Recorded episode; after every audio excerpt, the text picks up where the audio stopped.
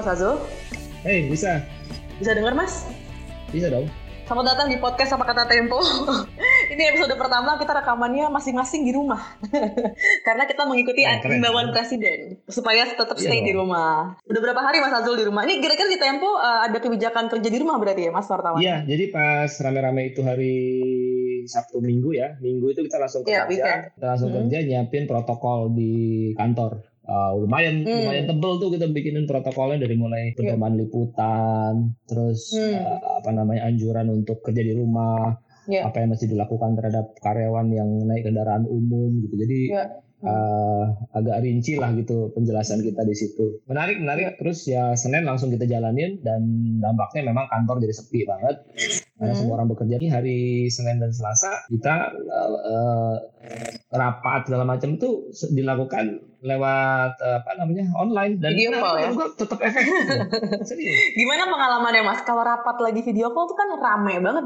Berarti ya, tetap berapa ya, berapa rapat, rapat terbanyak yang gue lakukan itu kira-kira ada dua belasan ya dua belas orang. Dan semua harus video call uh, pakai hmm. pakai video gitu. Hmm. Uh, dan yang menarik, Lis, yeah. yang menarik adalah gue ngamatin tuh gimana orang mencari angle duduk yang pas gitu ya. jadi, oh, jadi kan biar tetap terlihat cakep. Iya, satu itu. Kedua, dia harus menunjukkan identitas dirinya dong, ya kan? Jadi ada yang ada yang tembok belakangnya itu foto keluarga, gitu kan, untuk menunjukkan uh, keharmonisan rumah tangga, gitu kan.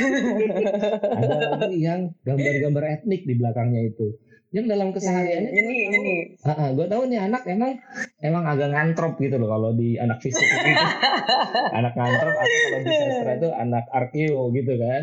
Anak arkeo. Lusu-lusu gitu dong udah uh, lusu-lusu gitu. Ada lagi yang dia pilih tembok putih gitu kan. Dia nggak mau terkontaminasi dengan persepsi macam-macam gitu. Oke. Okay. nah yang menarik menarik. ah, banyak juga yang matiin dia matiin videonya gitu. Itu baru bangun kayaknya kalau dimatiin. Dia nggak mau kelihatan gitu Oke menarik banget nih mas uh, pengalaman kerja di rumah nih sebenarnya kan memang uh, kita semua uh, cukup sering sebenarnya kerja di rumah tapi mungkin kalau yang full sampai meeting harus online semua harus online nih mungkin baru sekarang kali ya.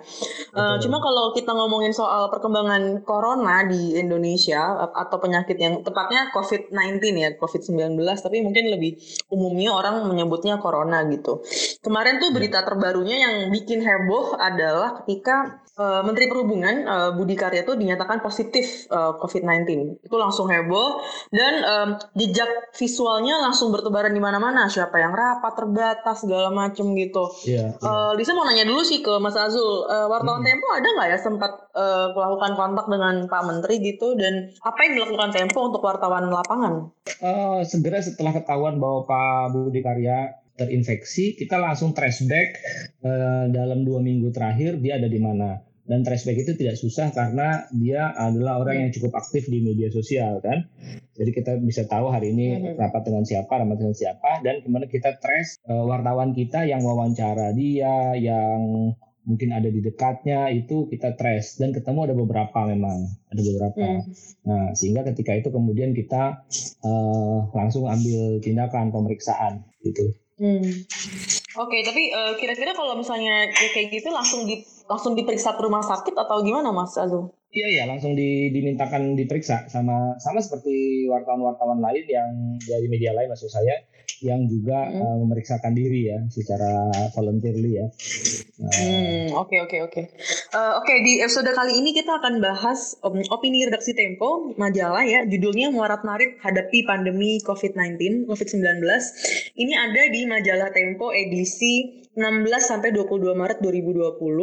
Uh, singkatnya aja mungkin akan gue jabarin di sini. Jadi waktu Gimana, Liz? Gimana, Liz? tanggal 13 Maret nih ya, Presiden Jokowi membentuk gugus tugas percepatan penanganan COVID-19.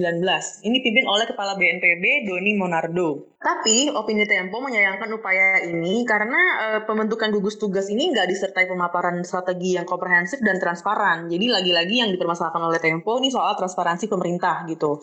Uh, yang paling menarik adalah ketika Tempo mengungkapkan kalau Kementerian Kesehatan sempat mengabaikan bantuan Singapura yang menawarkan alat penguji um, uh, COVID-19. Jadi walaupun Tempo mengkritik pemerintah pusat, tapi Tempo juga mengapresiasi upaya pemerintah daerah yang lebih responsif dalam menangani wabah COVID-19 ini gitu. Jadi memang nih uh, tarik ulur antara pusat dan daerah nih menarik banget ya. Uh, cuman hmm. mungkin uh, gue langsung ngobrol aja ke Mas Azul nih. Mas, apa benar uh, pemerintah pusat tuh lambat dan gak transparan. Sebetulnya gini, kita udah pernah diskusi loh dulu ya, ya. episode yang keberapa begitu, bagaimana hmm. sebetulnya ketika Wuhan terjadi, lalu ada sejumlah warga Indonesia yang berada di sana itu responnya nggak langsung cepat untuk pemulangan. Itu aja udah yeah. sebetulnya udah tanda-tanda bahwa pemerintah nggak terlalu confidence untuk mengambil uh, satu keputusan tertentu atas mm. uh, peristiwa uh, corona ini gitu. Jadi ada jeda berapa hari baru kemudian setelah publik mulai ramai ramai mempersoalkan warga Indonesia mm. di Wuhan kirim message ke mana-mana lewat video, baru kemudian diambil mm. tindakan. Begitu juga yang terjadi dengan uh, kapal pesiar yang ada di Jepang dan setelahnya. Hmm. Jadi kelihatan betul bahwa pemerintah terlambat beberapa langkah di belakang hmm. Uh, dari perkembangan yang ada ini.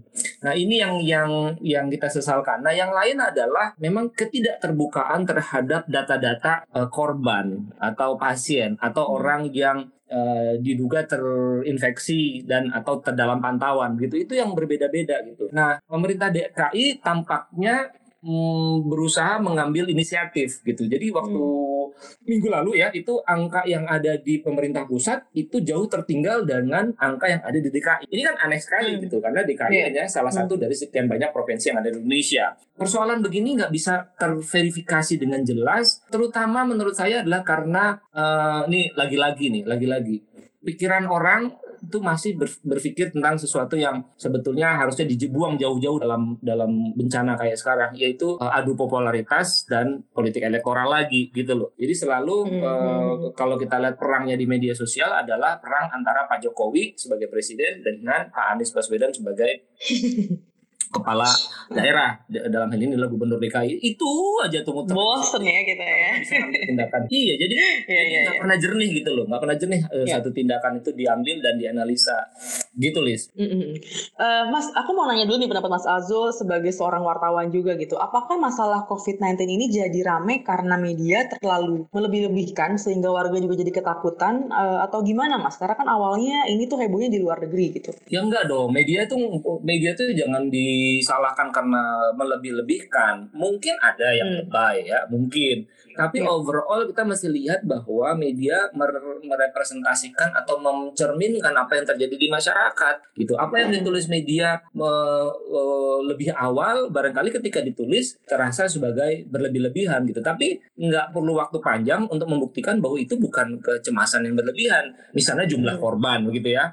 Ketika kok orang bilang baru uh, dua gitu secara sorry secara secara resmi pemerintah baru mengumumkan dua sebetulnya publik yang dipotret oleh media massa menganggap bahwa nggak mungkin cuma dua. Kan gitu kan selalu kan? Pasti yeah, bisa yeah. pasti lebih nih ngelihat ngelihat begitu aktifnya orang Indonesia pergi ke luar negeri berinteraksi atau sama lain dan seterusnya gitu. Jadi dan terbukti memang kecepatan pertumbuhannya itu uh, besar sekali gitu dari yang dua lalu 17 ya kan 69 96 bahkan sekarang sudah di atas 100 gitu.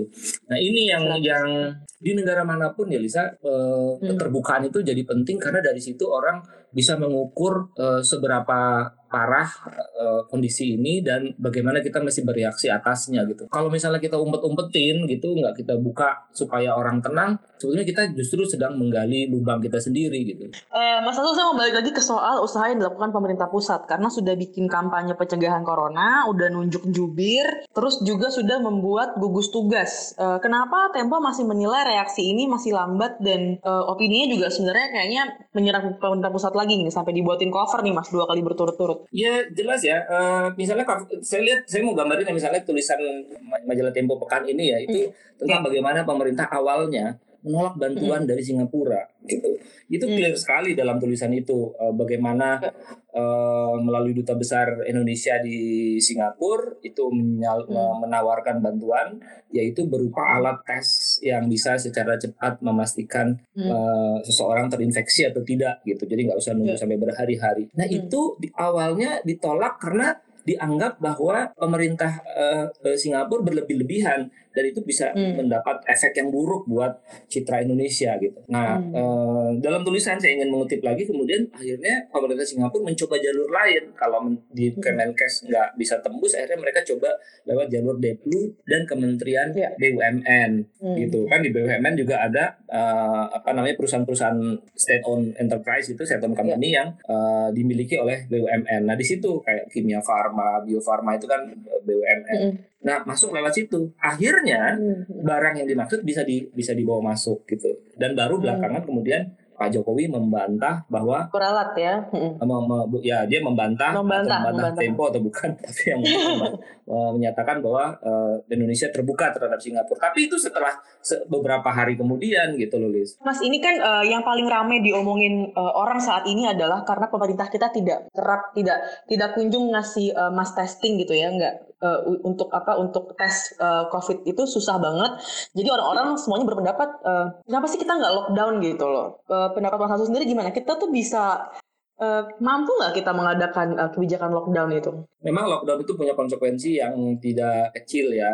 Uh, yeah. Sudah banyak kita baca yeah. di mana-mana. Misalnya lockdown itu akan membuat uh, terutama orang-orang di level menengah bawah akan kesulitan mendapatkan yes. nafkah. Misalnya uh, ya misalnya yang gampang sekali adalah uh, ojek online ya para iya. pengantar yeah. makanan dan sebagainya akan uh, ruang geraknya akan terbatas pedagang kaki lima dan dan seperti itu yeah. dan yang relatif bisa beradaptasi dengan lockdown ada lockdown adalah mereka yang dari kelas menengah ke atas itu betul sih itu betul gitu makanya mesti di, hmm. mesti dihitung betul yeah. karena lockdown itu artinya keluar dan tidak ada orang masuk dan itu pintu-pintunya hmm. tuh harus jelas gitu jadi udara laut darat tuh hmm. uh, harus ditutup nah kalau kita mau lockdown hmm. kira-kira bisa efektif atau tidak lockdown ini pintu-pintunya kita tuh banyak banget gitu kan mm -hmm. ya kan Makanya, itu dia nggak terjaga itu banyak banget gitu itu dari sisi kemungkinan untuk apa namanya hmm, eh, efektif atau tidaknya ya tapi kalau hmm. belajar dari negara lain, lockdown itu berhasil menurunkan kurva tuh. Betul. Ya, kurva hmm. kurva uh, orang yang terinfeksi itu sehingga dia tidak mencapai puncak, tidak bisa ditolerir oleh rumah sakit dalam hal jumlah. Betul. Nah, ini yang yang mengerikan. Jadi kalau misalnya kita bisa lockdown full lockdown 14 hari, maka kita bisa mengkontain orang yang sakit sebagai si sakit, sementara orang yang sehat sebagai si sehat tanpa ada kemungkinan 14 hari lagi dia kena. Kira-kira gitu lah logiknya ya. Iya. Yeah. Ya kan logiknya yeah. kan. Jadi 14 hari yeah, dikunci yeah. itu artinya sampai dengan hari ke-14 kalau dia tidak terinfeksi maka dia benar-benar tidak terinfeksi. Nah, hmm. yang yeah, yeah. menunjukkan gejala hmm. atau diperiksa positif adalah mereka yang terinfeksi. Jika demikian bisa ketahuan secara jelas diga, dibikin garis yang tegas, hmm. ini yang terinfeksi, ini yang enggak. Nah, yang terinfeksi kemudian diobati. Nah, kalau hmm. tidak ada lockdown yang disiplin yang yang ketat, maka kita nggak pernah tahu nih hari ini setelah hari ke-14 saya sehat gitu misalnya. Tapi di dalam 14 itu saya curi-curi ketemu si A makan sama si B gitu. Lalu kemudian di hari ke-15 dimulai dari hitungan nol lagi dalam proses kontaminasi tadi gitu loh. Jadi nggak pernah jelas. Nah jalan tengahnya apa? Ya jalan tengahnya itu social distancing itu. Distancing. Betul. Mas Asu Mas Asu gimana ngelihat um, koordinasi antara pemerintah pusat dan daerah. Karena kita tuh ngerasanya ya sebagai rekan media gitu ini gimana sih pemdanya ngomong apa? Misalnya yang kayak di Solo sudah mendeklarasikan darurat terus yang di Malang sudah menutup uh, akses kotanya dari dari orang luar gitu ya. Sementara dari Jokowi uh, bersikeras kalau Pemda itu uh, jangan bikin peraturan yang seperti itu gitu loh. Jadi semuanya harus dari pusat gitu. Gimana Mas uh, Tempo menilai um, koordinasi antara pusat dan daerah ini nih Mas? Kayaknya berantakan banget soal. Kalau berdasarkan undang-undang sih memang keputusan lockdown itu harus dari pemerintah pusat gitu. Jadi clear hmm. sekali dalam aturan kontaminasi itu di undang-undang harus dari pemerintah pusat. Tapi ketika pemerintah pusatnya ragu-ragu, yeah pemerintah daerah akan merasa punya tanggung jawab untuk mengambil langkah-langkah untuk menyelamatkan warganya gitu. Saya kira itu juga mesti diapresiasi gitu. Tadi pagi hmm. saya komunikasi dengan salah satu hmm. uh, gubernur lah ya, saya nggak usah sebut gubernur yang mana, yang hmm. kecewa sekali karena menurut dia pemerintah pusat ini kayak main yoyo dia bilang. Kadang diulur, kadang ditarik. Kadang-kadang hmm. dia katakan pernah dia katakan bahwa hmm. pemerintah daerah boleh mengambil tindakan tertentu, tapi berikutnya diambil alih lagi oleh pemerintah pusat. Gitu. Jadi gimana hmm. uh, apa namanya saya mesti bertindak gitu kata si kepala daerah ini. Dan saya pikir benar juga karena dia hmm. merasa bahwa uh, dia harus menyelamatkan uh, warganya dan yang dia meng mengambil tindakan tertentu karena dia punya data kan. Hmm. Dia punya data terhadap apa yang terjadi di daerahnya gitu loh. Itu yang yang yang akibatnya memang jadi koordinasinya uh, serba serba serba nanggung sudah nggak jelas gitu. Nah Tempo secara tegas tuh di editorialnya di opininya mengatakan bahwa ya mestinya pemerintah pusat ambil satu tindakan tertentu gitu ambil satu tindakan tertentu jangan hmm. uh, ragu-ragu dan yang paling penting adalah jangan menyembunyikan informasi gitu sampai sekarang kalau saya telepon narasumber satu dua dan tiga di mana-mana mereka pasti akan mengatakan bahwa apa ya sih cuma seratusan yang sudah kena? Gitu. Karena ada versi lain bisa lebih bisa sampai segini sampai segini. Jadi yang akhirnya yang terjadi adalah rumors kan. Nah rumors tuh nggak yeah. boleh terjadi di dalam kondisi kayak sekarang. Uh, kalau kita ngelihat nih kayaknya pemerintah daerah, para gubernur-gubernur dan wali kota ini, mereka kayak berlomba-lomba merespon uh, krisis uh, COVID-19 ini gitu.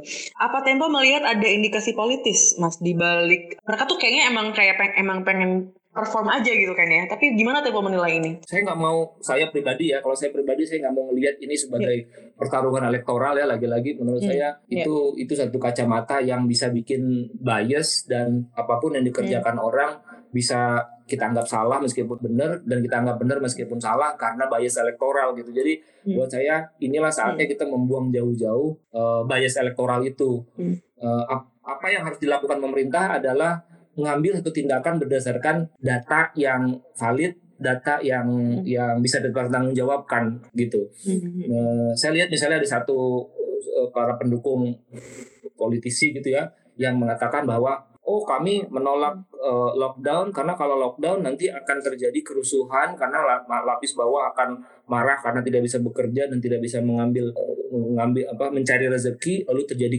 chaos lalu kemudian presiden jatuh gitu. Ini kan logika yang terlalu dipaksakan hmm. ya menurut saya dalam sejarah bencana seperti corona ini dan juga yang sebelum-sebelumnya kita baca nggak ada pemerintahan yang jatuh karena hmm. ini gitu. Jadi yang mau menggantikannya tuh juga males gitu menghadapi kondisi lagi kayak begini. Gitu. Jadi, lagi susah ya. Buat, iya lagi susah. Jadi jadi uh, kalau buat saya sih sebetulnya buang jauh-jauh pikiran itu. Hmm uh, bekerja saja untuk publik gitu nanti orang juga yang akan menilai kok gitu. Uh, Mas Azul terakhir nih mungkin uh, kita kan sudah tahu ya kalau pemerintah ini terlanjur terlambat untuk merespon masalah COVID-19 nggak transparan segala macam. Tapi kan kalau kita lihat di Twitter aja misalnya gitu ya itu kan orang debat terus debat kusir gitu ya. Apa yang harus kita lakukan sekarang supaya yang bisa kita lakukan tuh nggak cuman debat kusir aja gitu? Sebetulnya ini semua harus berpulang pada pemerintah pusat dalam hal ini hmm. adalah pemimpin tertinggi yaitu Pak Jokowi gitu. Saya secara hmm. pribadi maupun Tempo hmm. uh, sebagai institusi sangat berharap uh, presiden mengambil satu tindakan yang tidak usah didasarkan pada pertimbangan-pertimbangan politik tapi pertimbangan-pertimbangan masyarakat banyak. Pertimbangan ekonomi tentu saja harus dipikirkan tapi ketika masalahnya sudah sebegitu membesar rasanya orang membutuhkan satu tindakan yang bisa menyelamatkan mereka dari malapetaka ini gitu. Uh, dampak ekonominya nantilah kita kita bicarakan berikutnya gitu. Tapi uh, ini yang harus diselesaikan. Coba kita lihat apa yang terjadi di uh, Cina itu uh, ini sudah landai kan uh, eskalasi uh, jumlah hmm. pasiennya itu sudah landai. Artinya tidak sebanyak percepatannya itu tidak sebanyak sebelumnya gitu. Nah di sini kemudian orang bisa mengatakan bahwa uh, ada upaya yang kemudian membuat pasien masyarakat itu berangsur-angsur jadi jadi membaik. Jauhi sikap-sikap uh, seremonial ya, seremonial yang ya oke okay sih ada pasien satu, pasien dua, pasien tiga yang sembuh terus dirayakan gitu kan dikasih jamu gitu. Kalau niatnya adalah untuk membuat masyarakat tenang, saya kok ragu ya masyarakat yeah. bisa tenang dengan dengan acara-acara seremonial kayak yeah. begitu gitu. Masyarakat akan tenang kalau dikasih tahu fakta yang sebenarnya apa yang sudah dilakukan pemerintah, apa yang akan dilakukan pemerintah. Ini saya mau kasih bocoran aja ya. Saya mau kasih bocoran Gimana, ke iya, iya. pendengarnya kita nih, pendengarnya apa hmm. kata Tempo. Misalnya pemerintah bukan tidak bekerja loh, tapi ini belum dirilis atau belum jadi uh, kebijakan resmi, yaitu memanfaatkan uh, jaringan uh, telepon yang ada di dalam memenangnya pemerintah Hmm. Itu yang kita dengar. Kalau ada seorang terinfeksi, hmm. maka secara GPS hmm. bisa itu akan orang bisa di trace back ada berada dia berada di mana dalam dua pekan terakhir. Hmm. Nah, okay. gitu misalnya dalam ini dua hari di Bandung, dua hari di Jakarta, di Depok dan sebagainya. Nah, dalam 14 hmm. hari dia ada di mana itu bisa di trace back juga telepon siapa yang berada di sekitar dia. Hmm, Misalnya okay. radius katakanlah 5 meter gitu ya kalau yeah. orang bergerak atau orang hmm uh, 5 meter maka 5 meter dari dia itu bisa ketahuan nah mm -hmm. si pemegang handphone dalam radius 5 meter itu bisa di bisa diketahui siapa pemegang teleponnya mm. dan bisa dikasih tahu ya kan ya. bisa dikasih tahu bahwa kamu mungkin sekali terinfeksi ya. sehingga terekspos sehingga uh, disarankan untuk segera ke rumah sakit atau didatengin atau diperiksa dan sebagainya gitu kan jadi hmm. sebetulnya uh, bukan nggak ada gitu cuman itu yang belum dikomunikasikan nah yang lain adalah okay. kita belum bisa membayangkan kalau terjadi ledakan jumlah pasien yang menurut uh, informasi dari Badan Intelijen iya. Negara, yeah. saya nggak tahu dapat sumbernya dari mana akan terjadi pada sekitar bulan puasa gitu. Nah, yeah. seberapa meledak itu kita nggak tahu karena mm -hmm kita punya batasan jumlah uh, kamar di rumah sakit yang secara medis memenuhi syarat untuk mengkonten orang yang sakit. Itu jumlahnya sedikit sekali, yeah. sedikit sekali jumlahnya gitu. Besar sekali ya orang udah yeah. melupakan ideologi gitu. Kita tahu misalnya uh, Jack Ma dari Cina mengirimkan masker untuk teman dan saudara-saudaranya di Amerika, Amerika misalnya begitu. Jadi sebetulnya problem-problem itu sudah bisa selesai itu for the time being ya dalam masa wabah kayak sekarang. Jadi kenapa kita yang di dalam negeri saling sikut-sikutan karena alasan-alasan politis dan elektoral gitu. Hmm. Padahal negara-negara lain udah lebih maju dari itu dan melupakan sekat-sekat ideologis. Hmm. Uh, Oke, okay. itu tadi pembahasan kita soal um, COVID-19 dan bagaimana pemerintah pusat agak cukup ke kewalahan ya dalam mengelola um, informasi di tengah-tengah uh, pandemi ini gitu. Uh, status pandemi ini bukan berarti virusnya makin ganas, tapi sebenarnya cuma lebih jadi urgensi buat negara-negara di seluruh dunia untuk memprioritaskan masalah uh, COVID-19 ini gitu. Nah, tapi di Indonesia ini kalau boleh di gue ingetin bu di bagian penutup nih, selain kita ngomongin corona juga ya juga ada kasus demam berdarah yang meningkat. Jadi kemarin di Kulon Progo itu udah statusnya sudah darurat, eh waspada, waspada demam berdarah gitu. Berarti uh, hati-hati banget ya buat pendengar apa kata Tempo. Ya Mas Azul cuci tangan, minum jamu ya Mas ya sekalian minum jamu ya. Oh, ya Dan gua gua bingung nih ya, kira-kira satu bulan terakhir ini ada tukang jamu yang khusus datang ke rumah. Jamu Padahal sebelumnya dia nggak pernah nawarin gitu. dia tahu semua orang insecure nyari temulawak mahal. Dia menemukan satu celah pasar ya. Betul. Oke, itu dia tadi uh, apa kata Tempo. Kalau belum puas dengan obrolan kita bisa baca laporan uh, khususnya di majalah Tempo edisi 16 sampai 22 Maret. Uh, kalau ingin ngasih masukan ke podcast kita bisa kirim email ke podcast at tempo.co.id dengan subjek apa kata Tempo. Sampai jumpa minggu depan, Mas. Uh, mau telepon lagi ya, karena masih work from home. Oke, okay, bye-bye, Mas. Bye.